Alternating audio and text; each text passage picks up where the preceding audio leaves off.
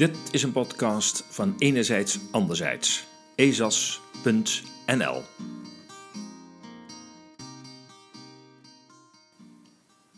Wie dient het internet nog?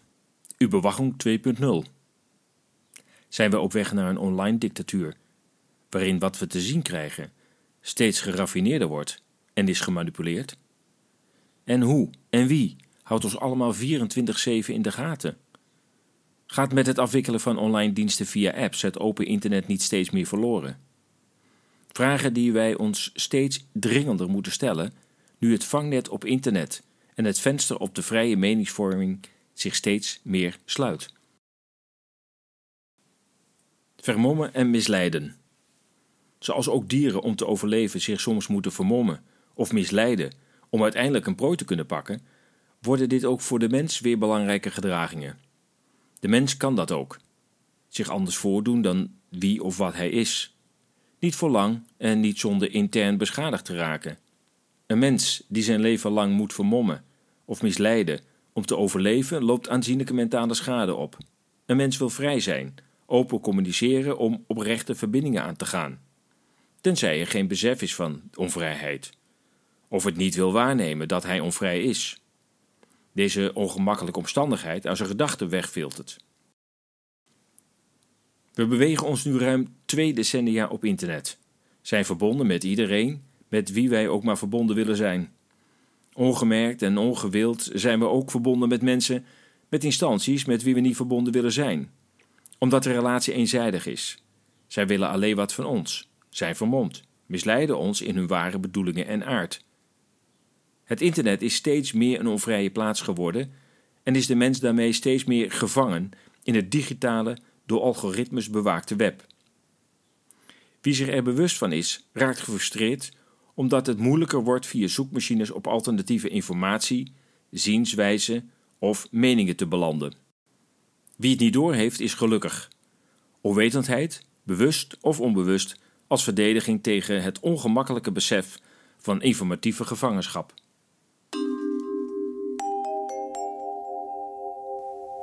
Het pre-internettijdperk. Heeft dat echt bestaan? Wie met internet is opgegroeid kan zich moeilijk voorstellen hoe dat zonder het web ging. Een vakantie boeken, iets opzoeken over wetenschap, geld overmaken, corresponderen, contact met vrienden onderhouden, om de hoek of aan de andere kant van de wereld. Een wereld zonder zoekopdrachten, digitale bewegingen die worden gevolgd en eeuwig opgeslagen zonder op persoonsniveau gemanipuleerde informatie. Beeldvorming van de wereld zonder beeldscherm. Niemand die, nou zeg voor 1990, eraan dacht dat zijn op de post gedane brief zou worden opengemaakt, gekopieerd en in de lade zou worden opgeslagen. Je bewoog je naar de bibliotheek zonder dat iemand kon zien wat je erop zocht, in je schrift opschreef. Je reed van oost naar west door het land zonder één camera die je rit vastlegde. Het was een vrije tijd. Geloof me, ik heb het meegemaakt. En met volle teugen en onbevangenheid van genoten. Vrijheid die niet werd uitgesproken omdat die net als zuurstof er gewoon was. Je verbaast je toch ook niet bij elke ademtocht dat je lucht opzuigt en weer afgewerkt loslaat. Ook dat laatste is op veel plekken nu niet meer mogelijk omdat de mens voor het eerst in de openbare plekken de frisse adem met maskers wordt ontnomen. Hoe kon het zover komen dat wat generaties lang zo oneindig beschikbaar was als frisse lucht, vrijheid, nu zo dierbaar aanvoelt, zo bedreigd wordt dat de mens zich steeds meer online vermomt, anoniem wil zijn, onder valse naam opereert, privacy-respecterende browsers en zoekmachines gebruikt, zijn IP-adres faked via VPN, Virtual Private Network, en zijn lens op de laptop afplakt.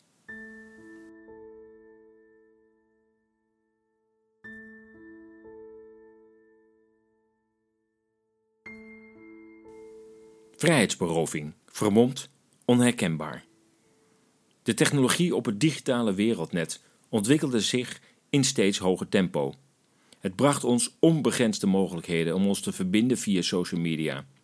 We konden ons daar uiten, met gelijkgestemde onze gedachten, liefdevolle en boosaardige, uitwisselen.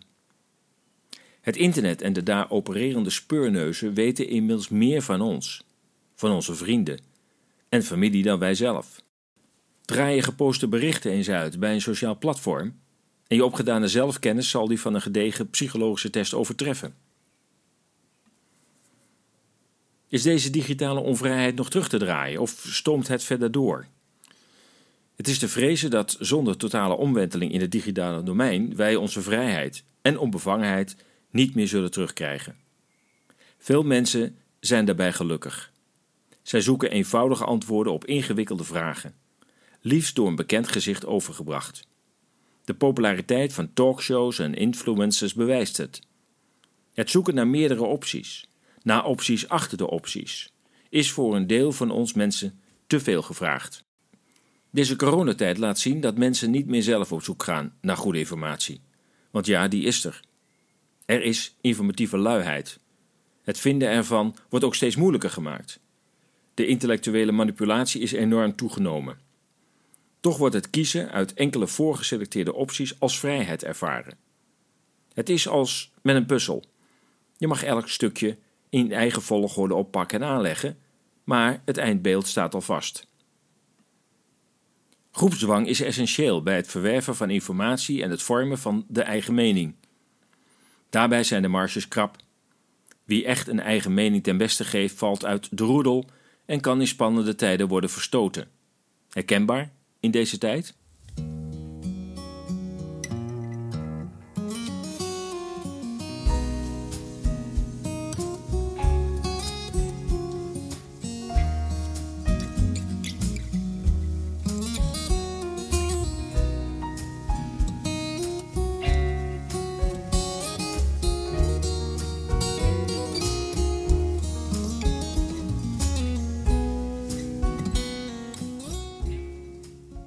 Beeldvorming achter de laptop en smartphone.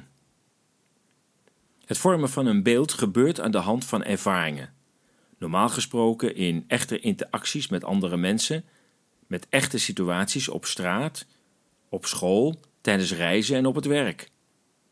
Met het stijgende beeldschermgebruik, dat naast televisie kijken komt, verloopt het zich vormen van een beeld van de wereld steeds meer via het digitale venster.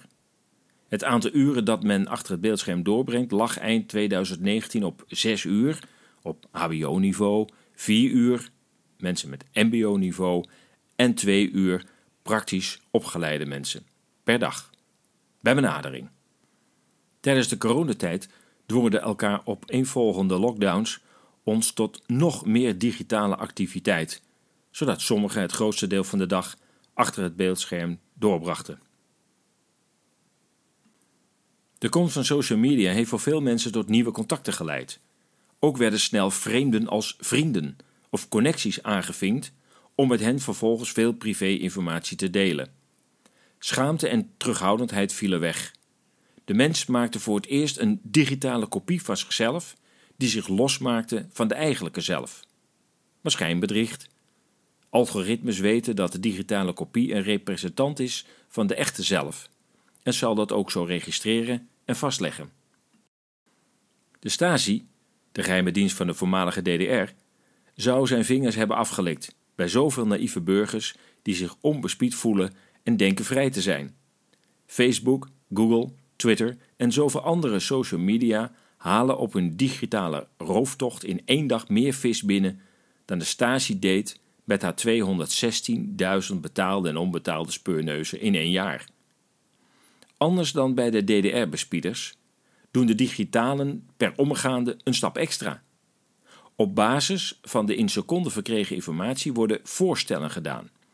Op YouTube voor te bekijken video's, op Google van te bekijken bronnen, bij Facebook en LinkedIn voor te kopen producten of aan te gaande connecties.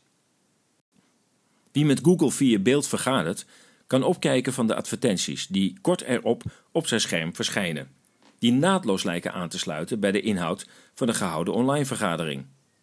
De waargenomen wereld vernauwt zich algoritmisch, in alle stilte, vermomd, ver en misleidend. In de begintijd van de smartphone, zeg begin van dit millennium, was de meest gestelde vraag: Waar ben je? De producent van de smartphone of de leverancier van het besturingssysteem iOS of Android wisten het antwoord al.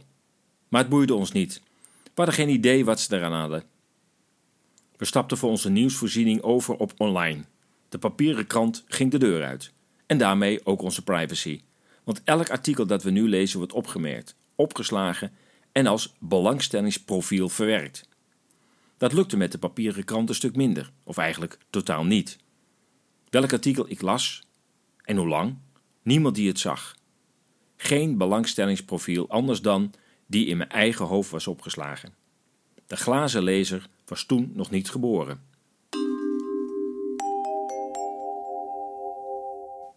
Het internet van de apps. Apps van die compacte stukjes internet zijn op menige smartphone en tablet geïnstalleerd. Apps maken weliswaar gebruik van internet, maar van een afgeschermd stukje. Je wordt bij het gebruik van een app niet meer verleid om op het internet te dwalen of verdwalen.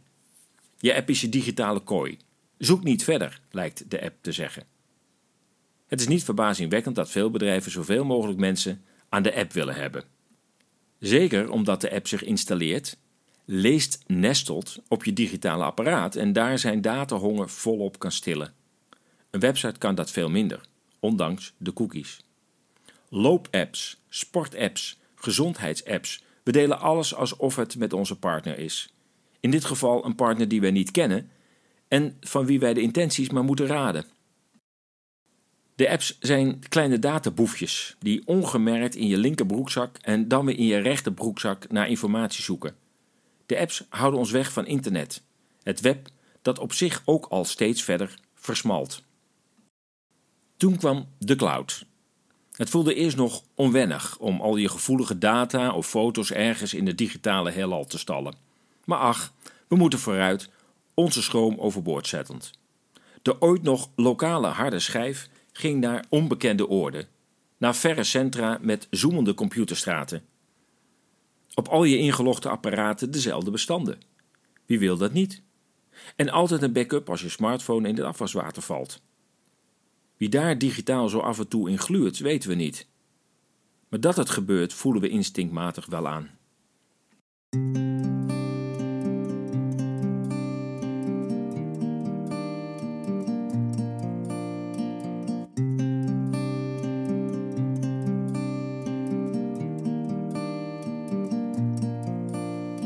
Corona versnelde de digitalisering.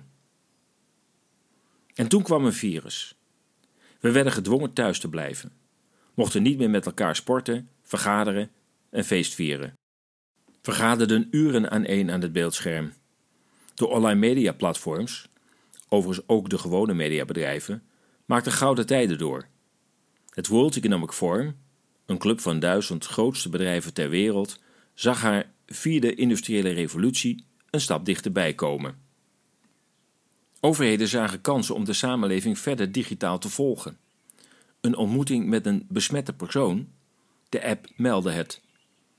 De signaalontvangers de testfuik inlokkend. De vaccinatiepas komt eraan, als app natuurlijk. Een volgende stap op weg naar een voorwaardelijk herstel van vrijheden, die door de komst van een digitale overheid steeds verder zijn afgenomen. En het zal nog verder gaan. Onze smartphone zal onze gevangenis worden en de sleutel van de celdeur tegelijk. Op afstand wordt bepaald wanneer de sleutel op het slot past.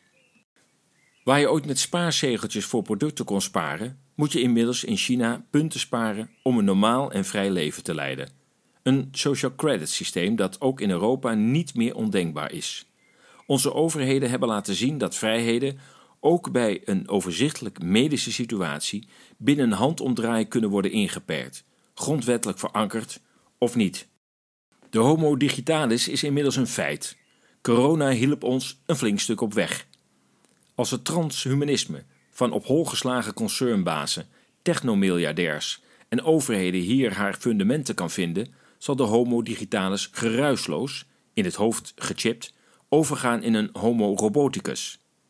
Wie dat een uitdagend perspectief vindt, gaat een mooie tijd tegemoet.